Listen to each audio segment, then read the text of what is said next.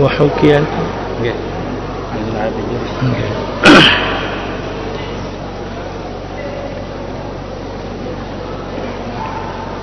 بسم الله الرحمن الرحيم وحكي عن زين العابدين علي بن الحسين أنه كان إذا توضأ اصفر لونه dihikayatkan daripada Zainul Abidin ialah Ali anak Husain. Artinya pepune si Sidina Ali. Anak Sidina Husain arana Ali. Ia jejali ina Zainul Abidin. Dihikayatkan daripada Zainul Abidin ialah Ali bin Husain annahu kana idza tawaddaa isfarra launuhu bahwasanya ia si Zainal Abidin apabila ada ia berwudu isfarra launuhu pucatlah warna mukanya. Kuning warna mukanya pucat warna mukanya. Jadi Zainul Abidin hino muna wudu mulai pucat. Wa idza qama ila shalah dan apabila dia berdiri kepada solat akhadat huri'adah diambil akan oleh kegementaran maka apabila wah kamat yang singin ke sembahyang tono datengin si ngger-ger marak bahasa teh diambil akan dia oleh kegementaran gementar ngger-ger ya singin sembahyang. Jadi faqila lahu malaka maka dikatakan orang baginya apa kelakuanmu? Yakum bi'na Zainul Abidin munda genudu pucat sida. Maka apabila dengan wahkamat sidang gerger marak bahasante jadi faqala maka ia menjawab wa yahkum atadruna baina yaday man akum waliman uridu an unajia? Celaka kamu ini adalah wahad maknanya celaka. Celaka kamu. Apakah kamu tahu di di hadapan siapa aku akan berdiri? Dan bagi siapa aku berkendak bahawa aku bermunajat? Apakah hendak kamu tahu? Lek julun seigen ku tak embutang dan seigen barangku munajat. Aran munajat ni berbicara berkhitob-khitoban jadi kan aku ini butang lek julun Tuhan. Barang yang ku gen barang munajat saling khitab mengkhitab. Apa naranin saling khitab mengkhitab karena elok wantun tesingna iyyaka na'budu wa iyyaka nasta'in hada baini wa baina abdi wa li abdi ma sa'ala. Jadi mun waktu tan ihdinas siratal mustaqim sampai waladhdallin Tuhan berfirman hadza li abdi wa li abdi ma sa'ala. Jadi tesi sembahyang ini kita munajat kita berbicara kita bercakap-cakap dengan Tuhan jadi sino ampuk kung ger-ger ngenazan al-abidin kena kan aku munajat nu barang Tuhan. Wa annahu wa kahariqun fi baitihi wa huwa sajidun.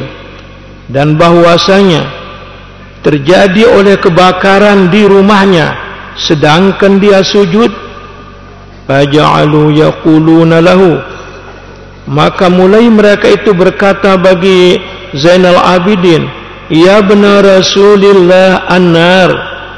Wahai anak Rasulullah An-Nar Hati-hati olehmu daripada api. Fama rafa ra'asahu Maka dia tidak mengangkat akan kepalanya. Lek waktu sembahyang lek balik ni Motong balik ni Zainul Abidin ini. Kenjeng kena sujud Nampak motong balik ni. Jadi batur luwe Eh anak cucu Rasulullah hati-hati yang kule epi atau balen de motong merak basante dak ngenun dek nangkat otak ne le kale sujud na nah suahane pada epi sino bu ketulungan faqila lahu fi dzalik maka dikatakan orang baginya pada yang demikian lima rap, lama rafa ra'sahu tatkala dia mengangkat akan kepalanya nah tatkala wah tutu bu ketulungan balis balene si motong no terus angkat no tak kala sujud apa nak kena ia si batur. Ia kumbe ne waktu ne bru waktu dia si sujud dino balene motong dek de meleng angkat otak dia. Irfa qala maka berkata Zainal Abidin Alhatni anhan narul kubro Dilalekan, dilengahkan aku daripada itu api Oleh api yang besar Ialah api neraka. Jadi kena aku sangat sikung ngingetang Angkun neraka. Dek ku ingat angkun balik ku semotong ni Lale ku lek balik Lek balik ku semotong sini. Nah sini gambaran kekhusyuan Zainal Abidin.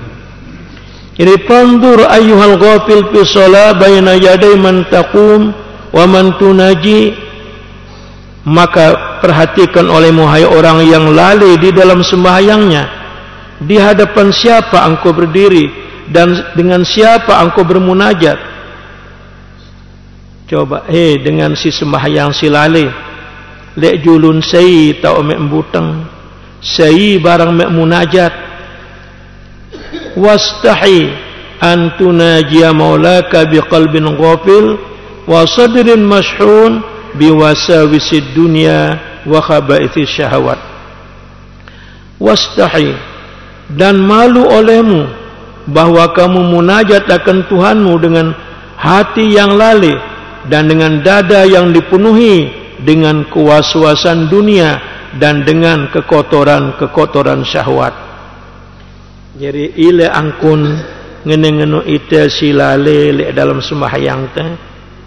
Tile angkun te munajat barang Tuhan. Aten te lali. Malik dadan te saboline si was-was dunia dan kejahatan-kejahatan syahwat.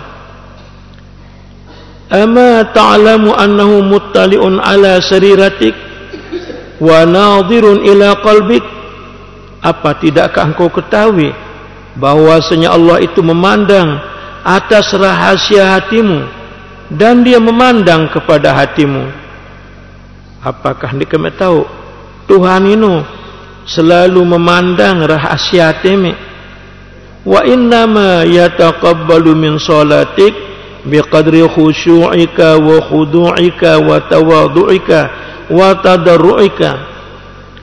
Hanya saja Allah menerima daripada sembahyangmu kedar kekhusyuanmu kedar kekhuduanmu kedar merendahkan dirimu kedar berdoamu dengan merendahkan diri itu nama tadarru' jadi Tuhan menerima sembahyang tembe menurut kekhusyuan te kekhuduan kan angkun tawaduk ta angkun tadarruk ta berdoa tiba Tuhan dalam sembahyang ta dengan merendah merendahkan diri dan tadarruk. Sino terima salat taala. Misalnya en serkaat atau khusyuk berserkaat mu ta ci terima ni salat taala simu itu puhala en dua rakaat khusyuk berdua rakaat biang itu puhala si Allah fa'buduhu fi salatika ka'annaka tarah maka sembah olehmu akan Allah di dalam solatmu seakan-akan engkau melihat akan dia. Jadi waktu semayang ini marak-marak tegite Tuhan. Ndek sek tegite marak-marak. Fa illam takun tarahu fa innahu yarok. Maka jika tidak tiada engkau melihat akan dia, maka sungguh dia melihat akan engkau. Andai kata ndek temu ndek dalam pandangan batin teh tak mau marak-marak tergetik Tuhan aku nak ibadat no. Jadi tetap lihat pandangan batin ta bahawa Tuhan selalu melihat kita, selalu mengawasi kita.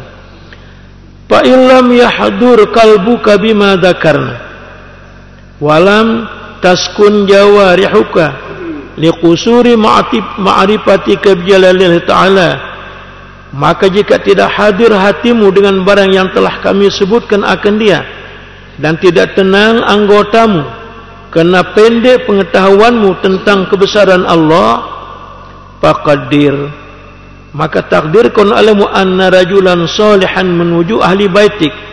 Bahwasanya seorang laki-laki yang saleh daripada pemuka ahli rumahmu yang duru ilaika yang memandang kepadamu kaifa salatuk betapa sembahyangmu.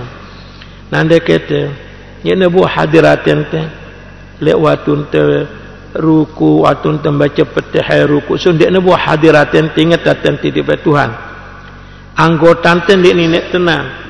Jadi no kanten dan dengan khusyuk munakenti waktu sembahyang sama sekali anggota ni tenang dik narak yang nguyet ngono dik narak yang nguyet ngono ino wah nandayang arak ku khusyuk alik dalam hati dengan naneng kemun aten tene na hadir.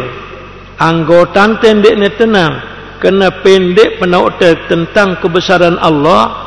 Na terkira-kira sikit dengan meme si saleh lekale pemuka rumah teh umpelek keluarga teh arak dengan meme saleh tu no yang ite ite ngumbangkun sembahyang teh fa inda dalika tahduru qalbuk maka ketika yang demikian itu hadir oleh hatimu wa taskunu jawarihuka dan tenang oleh anggota-anggotamu. Coba dengan sila ante sembahyang.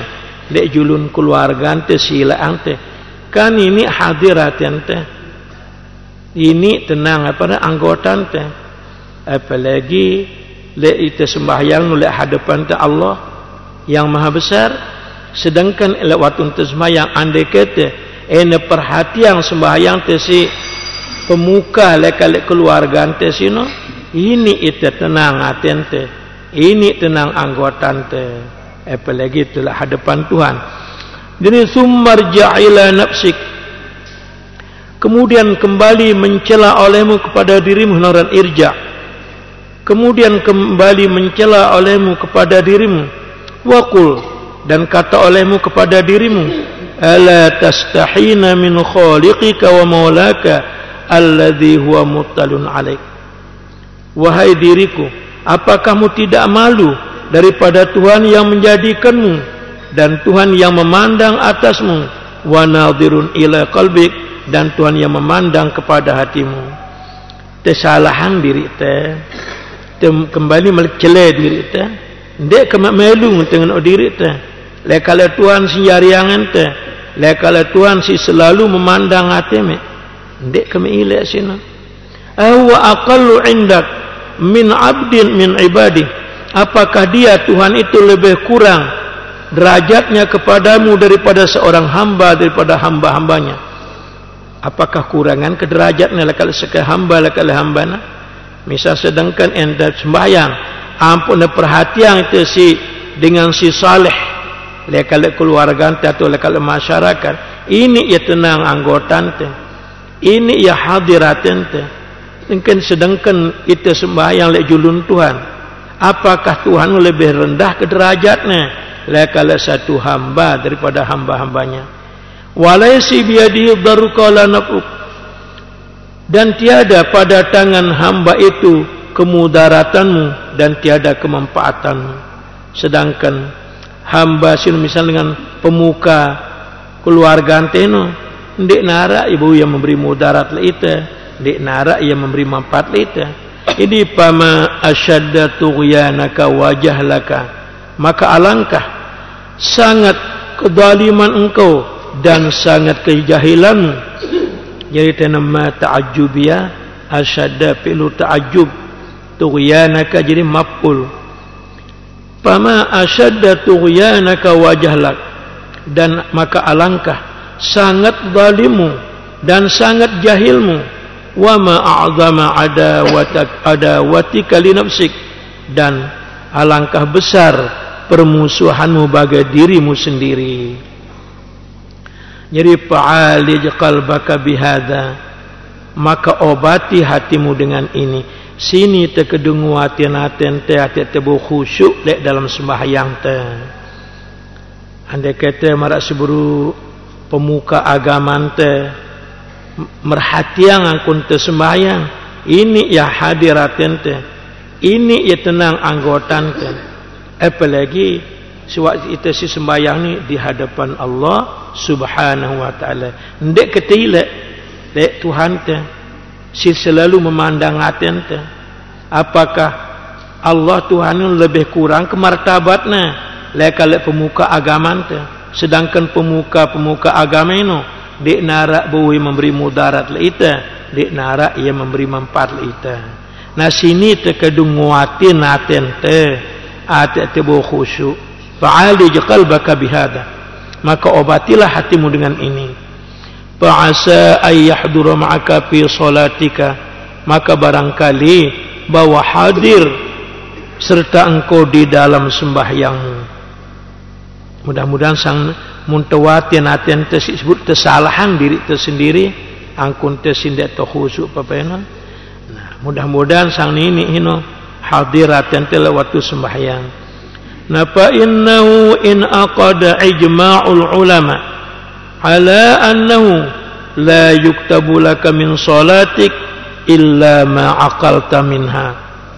Maka sungguhnya tersimpul terikat ijma ulama atas bahwasanya tiada dituliskan bagimu dari sembahyangmu kecuali barang yang engkau memahami minha daripada itu salatmu wah mupakat sama sekali ulama dia dengan tulisan uhalai lek sembahyang te kecuali mbesi paham itu lek dalam sembahyang teh artinya kecuali mbesi yang tak khusyuk sino si biang itu puhala si Allah. Jadi marak si bro anda kata lewatun takbiratul ihram dan tanah hadirat yang tu khusyuk atente suahan takbir sampai empat rakaat nendek no khusyuk atente entah sino biang itu puhala waktu te si takbiratul ihram. Nah wa amma ma ataita bi ma'al ghaflah walau hukma bi sihhati dhahiran fahuwa ilal istighfari ahwaj.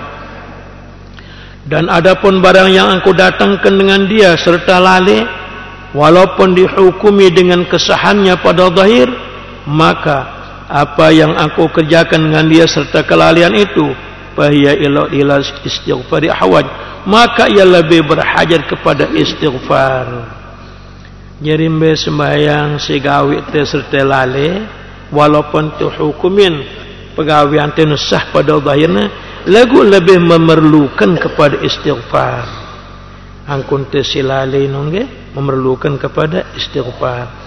Kena wala kalau misi awal kita ngaku wajah tu wajah lilladhi fatara samawati wal ard aku hadapkan hatiku kepada Allah yang menaikkan tujuh lapis langit dan bumi itu yang ngakui itu yang nak aku hadapkan hatiku Nengka turun-turun waktu tersemayang lali itu. Nah ini lebih perlu diucapkan apa istighfar. Li'annahu ilal uqubati aqrab. Kena bahwasanya ma ataita bihi ma'al ghaflah ilal uqubati aqrab. Itu aqrabu ilal uqubah lebih mendekatkan kepada siksaan. Ini pun lebih memerlukan istighfar. Kena pegawaian sembahyang tersilale tihnu lebih mendekatkan kepada siksaan. Qala al-Faqih Ismail Al-Muqri rahimahullah telah berkata Al-Faqih Ismail Al-Muqri rahimahullah tusalli bila qalbin salatan bimithliha yakulul fata mustawjiban lil uqubah. Angku sembahyang dengan ketiadaan hadir hati akan sembahyang dengan seumpamanya yakunul pada mustajiban lil uqubah adalah seorang pemuda itu mewajibkan bagi itu siksaan. Sembahyang sekek dengan bajang atau itu dengan lale atente jadi yakunul pada muslim uqubah adalah sembahyang teh sing lale no menyebabkan bagi siksaan. Tadhallu waqad amamtaha ghairu alimin tazidu ihtiyatan rak'atan ba'da rak'atin. Jadilah engkau sungguh engkau sempurnakan itu solat hal kadang engkau tiada mengetahui tazidu engkau tambah ihtiyatan kena ihtiyat rakatan ba'da rakatin satu rakaat setelah satu rakaat. Kita sembahyang. Lagu dia tahu apakah kurang rakaat atau pehinuruan kelalian tengah? Lebih kena atau kurang ke rakaatku? Jadi rombok tes rakaat. Empat puluh rakaat kah aku sembahyang atau empat rakaat kan ngerombok itu kena serkat jadi ini sebab kelalian tengah ampun te girang lupa ini kelalian te Fawailuka tadri man tunajihi mu'ridan wa bayna yaday man tanhani ghairu mukhbiti. Celakalah engkau. Engkau mengetahui Tuhan yang engkau munajati akan dia mu'ridan. Hal keadaan engkau itu berpaling tahu te barang te berbicara bercakap-cakap dengan Tuhan. Lagu itu berpaling tiba Tuhan. Wa baina yaday man tanhani ghairu mukhbit. Engkau mengetahui di hadapan orang yang engkau tunduk kepadanya ghairu mukhbiti hal keadaan engkau tidak berlaku adab dengan semestinya. Ini orang mukhbit.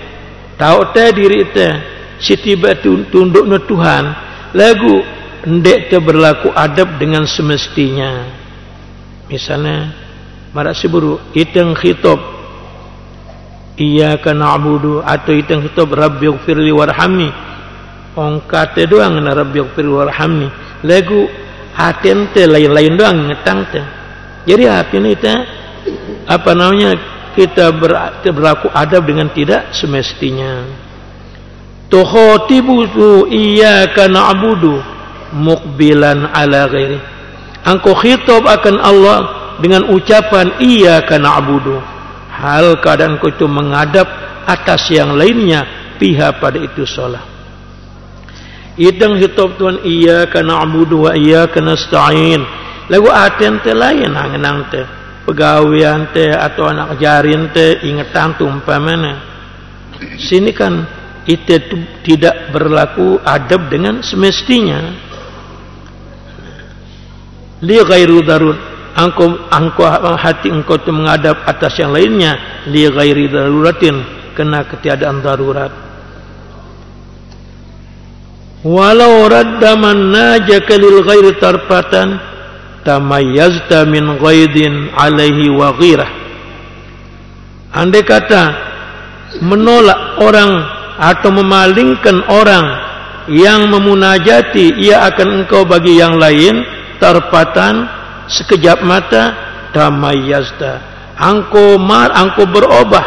Angko berubah angko punya muka. Min ghaidin alai kena kemurkan atasnya waghirah dan kena kecemburuan.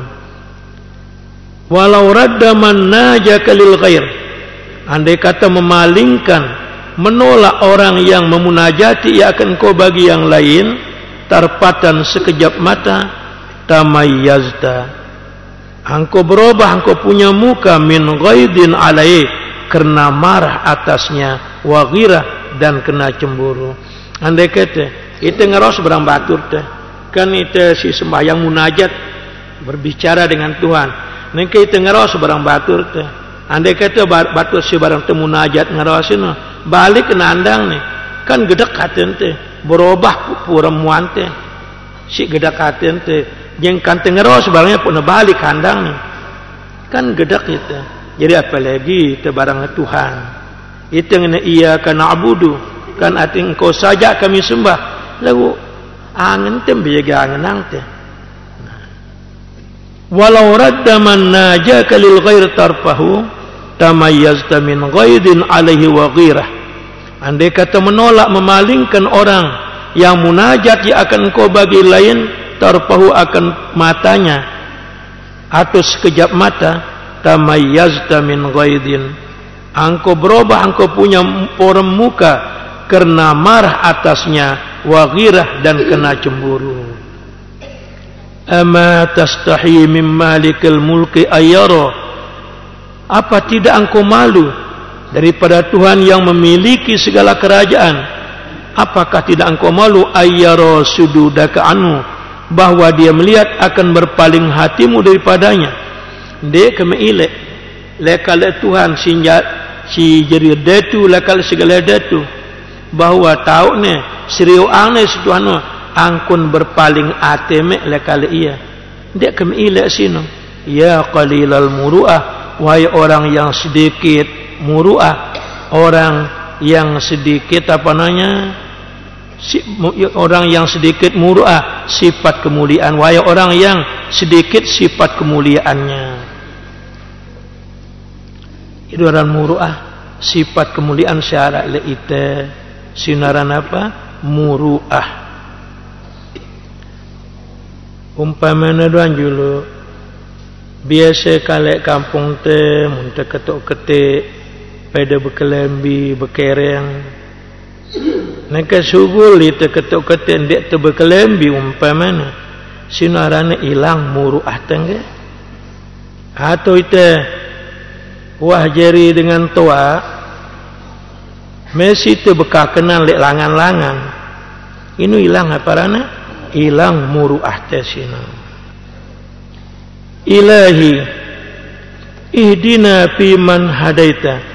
Wahai Tuhanku Beri pertunjuk kami serta orang yang engkau beri pertunjuk.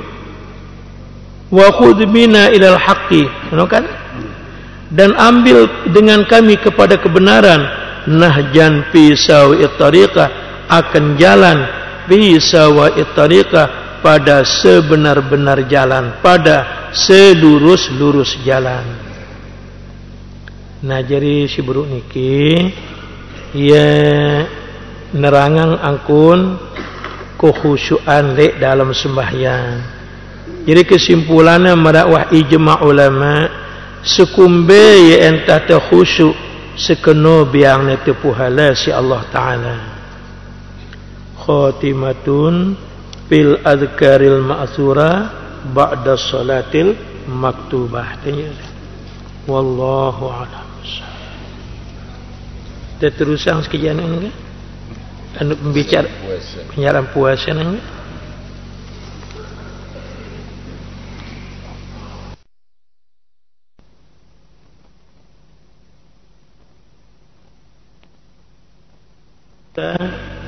tata'allaku bisawm pada menyebutkan hadis-hadis yang ada hubungannya dengan puasa.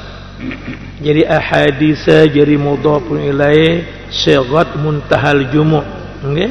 wazan mafa'ila ahadisa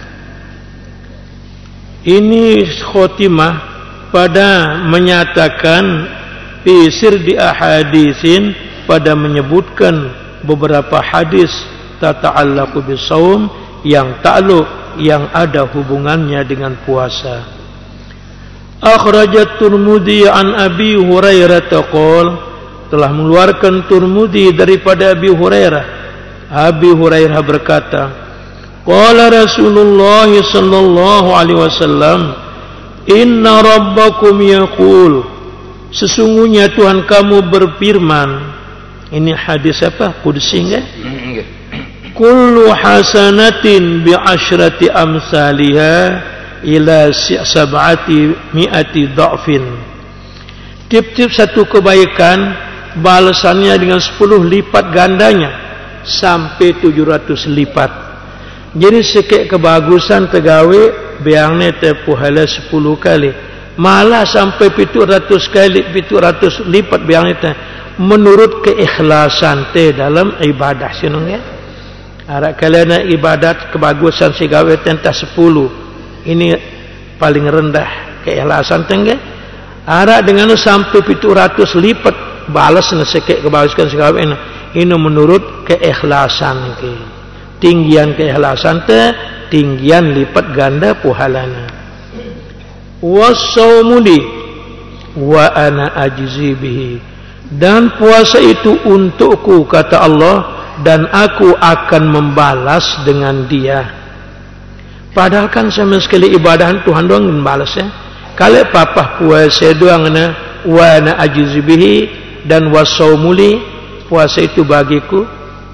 Oh menunjukkan. Artinya puasa itu bagiku wa ana ajzi bihi aku duang si no puhalan dengan si puasa kan mun lain-lainan mun seke ini sampai 10 balasannya. Ini sampai 700 wajelasan misal sembahyang atau apa atau sedekah namun puasa aku duang no balasan dengan Tuhan. Ini maksud dengan wasaumuli wa ana ajzi bihi. Wasaumu junnatum minan nar. Dan puasa itu perisai daripada api neraka. Ende. Makan ende nu menjadi telah kala penjalian musuh. Nah jadi puasa itu yang menjadi telah kala api neraka. Jadi lain jannah barang junnah. Mun jannah syurga mun junnah perisai ende marak basanta mun jinnah jin artinya enggak? Jinnah junnah jannah lain artinya. Lain barisnya lain artinya. Dan puasa itu adalah perisai daripada api neraka. Wala wala khulupu pamisaimi atyabu indallah min rihil mis. Sesungguhnya bau mulut orang yang berpuasa itu lebih harum di sisi Allah daripada bau kasturi jadi tujuannya Jadilah hadis ini makro terbesugi dulu suahana al-dhahar. Kerana suan mulai lekat al-dhahar ni ki sangat berubah memuntodok tu. Nah, mun terbesugi kan itu ngilangan membunuh ke? Nah, sedangkan apa mambun todok dengan si puasa itu kan lebih harum di sini Allah tidak buka sturi. Jadi makroh tilangan ke? Nah, jadi apa maksudnya? mambun todok dengan si puaseno lebih harum di sisi Allah daripada buka sturi ini dua penafsiran. Penafsiran si pertama memang bahirnya era mambun todok tenu sengir. Sengiran si mambun minyak kasturi. Oh arah nafsiran si kebanyakan. Maksudnya tena lebih boleh puhalan teh nepuang mambun todok te barang puhalan dengan sehingga du minyak kasturi lek jelo jumat. Kalau jelo jumat suruh ente ngedu minyak sengir si paling sengir layak si paling sengir minyak sengir adalah kasturi nah jadi si nafsiran si kedua nepuang mambun todok te hino dendek te sugi ini hino lebih beli puhalan te barang tengedu minyak sengir lek jelo lek jelo jumat Sina maksud dengan atyabu indallah min rihil mis.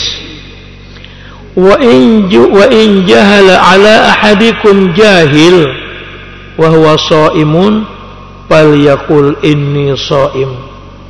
Dan apabila dijahili atas salah seorang kamu oleh orang yang jahil sedangkan ia berpuasa apabila narani ni tajahil sedengan si dah ini hidup belok hida jahil dengan itu umpamana itu bulan puasa pengte muni fal yaqul inni shaimun maka hendaklah dia berkata aku ini puasa.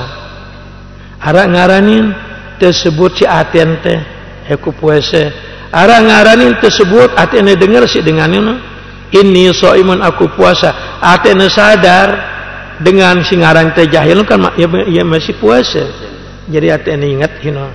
Arang-aranin ini soim tersebut si ate, tinggal si aten teh. Arang-aranin ini soimun tu ucap ya. Ate ini dengar si dengan si ngaranin itu apa na jahil yang. Walis soimi parhatani dan bagi orang yang berpuasa itu dua kesenangan, dua kegembiraan. Parhatun hina yakturu, hina yakturu. Pertama satu kesenangan di waktu dia berbuka wa farhatun hina yalqa rabbah dan satu kesenangan ketika dia akan menjumpai akan Tuhannya. Jadi si puasin dua biang kesenangan si Allah. Pertama waktu untuk berbuka kan senang itu? Waktu untuk berbuka. Dan era le waktu berjumpa dengan Tuhan ono teh senang masih waktu untuk berdaya terak barang Tuhan. Wa ibn Hibban wal Hakim. Dan telah mengeluarkan Ibnu Hibban dan Hakim an Abi Hurairah. Daripada Abi Hurairah idza kana awwalu lailatin min syahri ramadan sufidatis syayatin wa maradatul jin. Apabila ada awal malam daripada bulan Ramadan diikat segala syaitan dan diikat akan yang jahat-jahat daripada jin. Wa ghulliqat abwabun nar dan ditutup segala pintu neraka. Falam yuftah minha babun maka tidak dibuka daripada pintu-pintu neraka satu pintu pun. Wa putihat abwabul jannah dan dibuka segala pintu syurga. Falam yughlaq minha babun maka tiada ditutup daripada pintu-pintu syurga babun satu pintu pun. Jadi tanggal sekian bulan Ramadan syaitan barang jin sini jahat ni kita ikat. Dan lawang-lawang mereka tertutup di narak berbuka. Lawang-lawang surga berbuka di narak tertutup. Jadi arak nafsiran diikat syaitan dan maradatul jin hati ini kan di nebu gengo deita atau apa? Oh si jadi si nafsiran maksudnya kenal bulan puasa ini banyak sekali orang ibadah membaca zikir atau apa seakan-akan setan itu dibelenggu seakan-akan setan itu apa? Diikat. Wa yunadi munadin dan menyeru orang yang menyeru kulla lailatin pada titik malam artinya malaikat sini si ngumumang si nyeru ya baghiyal khair. Wahai orang yang menuntut kebaikan akbil menghadaplah. Waya baghiyasyar wahai orang yang menuntut kejahatan iqsir. Pendekkan olehmu akan kejahatanmu. Nah tetep kalam hino malaikat nananggur ya bagil khair aqbil waya baghiyasyari aqsir walillahu utaqa'u minan nar. Dan bagi Allah beberapa pemerdekaan beberapa orang yang dimerdekakan daripada neraka wa zalika kullu lailah yang demikian itu adalah tip-tip malam. Tip-tip kelam Allah taala merdeka panjang nelekale neraka. Mudah-mudahan termasuk lantung itu pepe ne perdeka si Allah taala ibnu khuzaimah wa hibban annahu sallallahu alaihi wasallam sa'idal mimbara dan mengeluarkan oleh Ibnu Khuzaimah dan Ibnu Hibban bahwasanya Nabi sallallahu alaihi wasallam naik ke mimbar. Faqala maka Nabi berkata waktunya naik ke mimbar, amin, amin, amin telu kali bacanya. Qila dikata orang jadi ketuanya Nabi ente si sahabat, "Ya Rasulullah, innaka sa'idtal mimbar faqulta amin, amin, amin." sungguh engkau naik ke mimbar maka engkau mengatakan amin amin amin. Ya kumbena Rasulullah. Si datang mimbar tu si nyebut, nyebut amin amin telu kali. Faqala maka nabi menjawab inna jibril alaihissalam atani. Sungguhnya jibril alaihissalam mendatang akan aku faqala maka jibril berkata Man adraka syahr Ramadan falam yughfarlah famata pada khalan nar fa'ada fa'abadahu Allah. Ngene Jibril barang siapa mendapati bulan Ramadan maka tidak diampun dosa baginya maka dia mati. Maka masuk ia ke neraka maka dijauhkan dia oleh Allah taala. Daripada rahmatnya jadi kul kata oleh Muhammad amin. Sebut Muhammad dengan amin. Jadi pakul tu amin. Ini apa ucap amin. Saya saya datang bulan Ramadan dek ne tampun dosa na. Artina le bulan Ramadan no me tono me sido enggak be dosa dek ne tobat jadi kan dek ne tampun dosa terus mate dengan kan temen mereka ya dan terjauh angin. Insya Allah Ta'ala lekat rahmatnya ucap angkun Muhammad amin. Jaring na nabi ta faqultu amin. Wa man adraka abawai aw ahadahuma falam yabirruhuma famata pada khalan nar fa'abadahu Allah. Dan barang siapa mendapati dua ibu bapanya atau salah satu daripada keduanya maka dia tidak bakti kepada keduanya. Maka dia tidak berbuat bakti akan keduanya maka orang itu mati masuklah orang itu ke neraka. Lalu dijauhkan dia oleh Allah daripada rahmatnya. Kul katakan oleh Muhammad am, alapad amin. Faqultu maka aku kata kata Nabi amin. Si si si mesi diat ni mesi na amakna atau salah sikit Messi umpamanya inana Messi bapak na mati atau bapak na mati? Inana Messi ndek na bakti le ina amak na lawan doang ina amak na jadi muna mati dengan utai menereka. Terus terjauh ang. Mudah-mudahan terjauh ang insyaAllah ta'ala ina apa rana Jibril lekali rahmat. Sebut Muhammad dengan amin. Terus Nabi mengucap amin. Perkenankan ya Allah. Wa man dzukirtu indahu falam yusalli alayya. Wa man dzukirta indahu falam yusalli alayk ini Jibril ini. Barang siapa disebutkan engkau di dekatnya, maka orang itu tidak membaca selawat atas engkau, maka mata, maka dia mati pada khalanar, maka dia masuk neraka, fa abadahu Allah. Mudah-mudahan dijauh dia oleh Allah Ta'ala daripada neraka. Kul kata oleh Muhammad amin. Fakultu amin. Jadi mulai kalau hadis ini muntah dengar arah Nabi tersebutnya kewajiban mengucap selawat ya? kewajiban misalnya inna Allah malaikatu yusalluna ala nabi. Jadi wajib dah nyebut apa? Allahumma salli ala Muhammad. Atau orang Nabi Muhammad dengar teh umpamanya misalnya anin Nabi apa anin Nabi Muhammad Nabi sallallahu alaihi wasallam umpamanya jadi kan searak sebutan Nabi enggak jadi sunat mengucap Allahumma salli ala Muhammad. Lagu muntahnya wajib. Kena muntah mengucap selawat sino itu tetemang apa neraka wa Muhammad ibnu Mansur as-Sam'ani. Dan telah mengeluarkan Muhammad bin Mansur As-Sam'ani an Anas daripada Sayyidina Anas innama sumya Ramadan li'annahu yarmadud dunub hanya saja dinamakan bulan itu Ramadan kena bahwasanya ia membakar menghanguskan akan segala dosa. Ini apa narin bulan bulan Ramadan. Kena dosa-dosa tenut bakarnya hangusangna sampai buik dosa antehino ini apa ni bulan ini bulan bulan Ramadan wa tabrani wal bayhaqi an Umar radhiyallahu an diriwayatkan dari mengularkan oleh Tabrani dan Baihaqi daripada Umar radhiyallahu an. Dzakirullah fi Ramadan maghfurun lah. Orang yang menyebutkan nama Allah pada bulan Ramadan maghfurun lahu diampun baginya.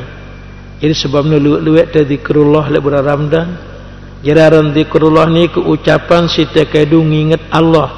La ilaha illallah zikrullah. Allahu akbar masih zikrullah. Alhamdulillah masih apa? Zikrullah. Pokok mbe ucapan-ucapan sita kadu nginget Allah sinuaran zikir. Jadi dengan si berzikir le bulan ramadan tiampun dosana. Wasailullah fi la yukhib la yakhib. Dan orang yang minta akan Allah pada bulan Ramadan itu la yakhib tiada ia rugi. Jadi sebab itu luwe-luwe kita berdoa tiba Tuhan. Ndak tegen rugi insyaallah terima ana doang doa ante si Tuhan lek bulan Ramadan. Wal baihaqi an Abdullah ibni Abi Aufa. Dan telah mengeluarkan baihaqi daripada Abdullah bin Abi Aufa. Naumus saimi ibadah. Tidur orang yang puasa itu adalah satu ibadah. Wasumtuhu tasbih dan diamnya itu adalah puhalanya sebagaimana puhala tasbih wa amaluhu mudha'af dan amalan orang yang puasa itu dilipat gandakan wa du'auhu mustajab dan doanya itu adalah mustajab wa dhambuhu maghfur dan dosanya itu adalah diampun. Jadi tindok te le bulan Ramadan mu itu pula termasuk satu ibadah. Okay? Penang tendek tengeros nyebut ongkat-ongkat siapa rana sindik narak faedahna puhalana marak tengucap tasbih. Amal ibadat si gawe itu le bulan puasa terlipat ganda yang puhalana. Doa anta mustajab dosa anta tampun. Wal hakim an ibnu umar dan telah mengeluarkan hakim daripada ibnu umar. Likulli abdin sa'imin likulli abdin sa'imin da'watun mustajabah inda iftarihi. Tiap-tiap hamba yang berpuasa ada punya doa yang mustajab ketika berbukanya. U'tiha fid dunia wal akhirah. Diberikan akan dia itu doa yang mustajab di dunia dan akhirat au ad-dakhiruha fil akhirah atau aku simpankan akan dia baginya di akhirat. Ini berarti untuk pandang sini hadis kursi ini, kengge? Dengan sekian panjang si puasa nu berdiang doa si mustajab lek waktu nu berbuka. Biangku yang ina Allah Taala lek dunia atau simpenangku ya lawan lek akhirat. Jadi sebab ini sunat terberdoa lek tutup tersi berbuka kita ingin namai misalnya sekeji kan berbuka. Ranang dia apa yang tutup mangan dan berbuka sekedar terbuka si air terus sampai terberdoa. Insya insyaallah doa anta tono mustajab. Wa fil musnad an wasilat ibn al asqa. Dan disebutkan di dalam kitab al musnad daripada wasilah bin asqa anin nabi sallallahu alaihi wasallam qala daripada Nabi sallallahu alaihi wasallam bahwasanya dia bersabda unzilat suhufu ibrahim fi awwali lailatin min syahri ramadan. Diturunkan suhuf ibrahim pada awal malam daripada bulan ramadan. Kan Nabi Allah Ibrahim terbiangnya kitab lahu arani suhuf. Kena berupa lembaran. 10 lembar. Biang Nabi Ibrahim. Nah turunannya le tangga le awal malam bulan ramadan. Wa unzilatit taurat li sittin madaina min ramadan dan diturunkan taurat bagi enam hari yang liwat daripada bulan ramadan artinya wah tanggal 6 bu apa kalam ke 6 lekalek bulan ramadan tono tu nurunang kitab taurat. Wa unzilal injil li salasa asyara madaina min ramadan dan diturunkan injil bagi tanggal 13 yang lalu daripada bulan Ramadan. Jadi mun Injil turunan tanggal 13 wa unzilal furqan.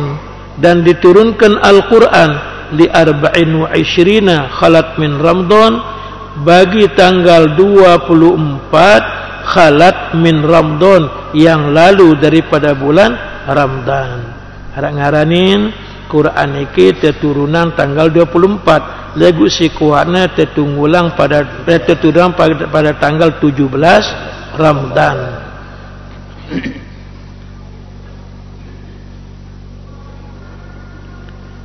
Waruya an Sa'id bin Musayyab an Salman dan diriwayatkan daripada Sa'id bin Musayyab daripada Salman marfu'an hal kana hadis marfu qala berkata Salman khatabana Rasulullah sallallahu alaihi wasallam fi akhir yaumin min Sya'ban telah dipidatui akan kita oleh Rasulullah wasallam pada akhir hari daripada Sya'ban. Jadi la akhir jelo le kala Sya'ban sino Nabi pidato ngene. Faqala maka Nabi bersabda di dalam khutbahnya, "Ya ayyuhan nas, qad adallakum syahrun azim." Sungguhnya dinaungi kamu, didatangi kamu oleh bulan yang besar syahrun mubarakun bulan yang diberi berkat fihi lailatun khairum min alfisah padanya satu malam lebih baik daripada seribu malam. Ialah malam kedar ja'alallahu siyamahu faridah. Menjadikan Allah mempuasakan itu bulan faridah perdu. Wa qiyama lailatin tatawuan. Dan Allah jadikan ibadah malamnya itu menjadi sunat. Man taqarraba fihi bi khaslatin minal khair. Barang siapa mendekatkan diri pada bulan Ramadan dengan satu perkara daripada kebaikan kana kaman adda faridatan fi ma siwa. Adalah itu orang seperti orang yang menunaikan satu perdu pada bulan yang selain daripadanya. Jadi enteng gawe kebagusan sikit lek bulan Ramadan marak tenggawe sikit perdu lek bulan selain kali Ramadan wa man adda fihi faridah barang siapa menunaikan pada bulan Ramadan itu akan satu perdu kana kaman adda sab'ina faridah adalah ia seperti orang yang menunaikan 70 perdu pima siwa pada bulan yang selain daripadanya. Jadi elek bulan Ramadan tenggawi sembahyang perdu. Okey. Pada puhalana barek tenggawi sembahyang perdu 70 kali lek bulan selainan lek kala Ramadan. Wa huwa syahrul sabar. Dan bulan Ramadan tu bulan ya bulan kesabaran. Wasabru sawabu al jannah dan sabar itu puhalanya adalah syurga. Wa syahrul muasat. Dan bulan bantuan. Bulan pertolongan. Bulan tempat kita membantu kawan-kawan yang tidak mempunyai yang tidak punya. Tono tak tegen bantu batur sinek ne bedian wa syahrun yuzadu fi rizqu. Dan bulan yang ditambah padanya akan rezeki tono bulan ramadan ni umurnya rezeki ente Allah taala. Mam fatarafihi saiman Barang siapa membukakan padanya akan orang yang berpuasa Barang siapa memberi berbuka padanya akan orang yang berpuasa Kana lahu maghfiratan lidunubi. Adalah memberi bukanya itu baginya menjadi pengampunan bagi segala dosanya. Wa itqu raqabah minan dan menjadi pemerdekaan satu sahaya daripada neraka. Wa wa itqu raqabihi minan dan menjadi pemerdekaan batang lehernya daripada neraka. Wa kana lahum mithlu ajri dan adalah orang yang memberi berbuka orang yang berpuasa itu ada baginya puhala seumpama puhala orang yang diberi berbuka itu min ghairi ayang kusumin ajri syai daripada bahawa tiada kurang daripada puhalanya itu sesuatu pun. Pada mu itu puhala marak puhalan dengan si biang terbuka itu lain puhalan tersendiri lain puhalan dengan si biang terbubukan pada puhalan ke oh, ada isu nanti ni tentang qalu ya rasulullah laisa kulluna najidu ma nufattiru saim wallahu alam bisawab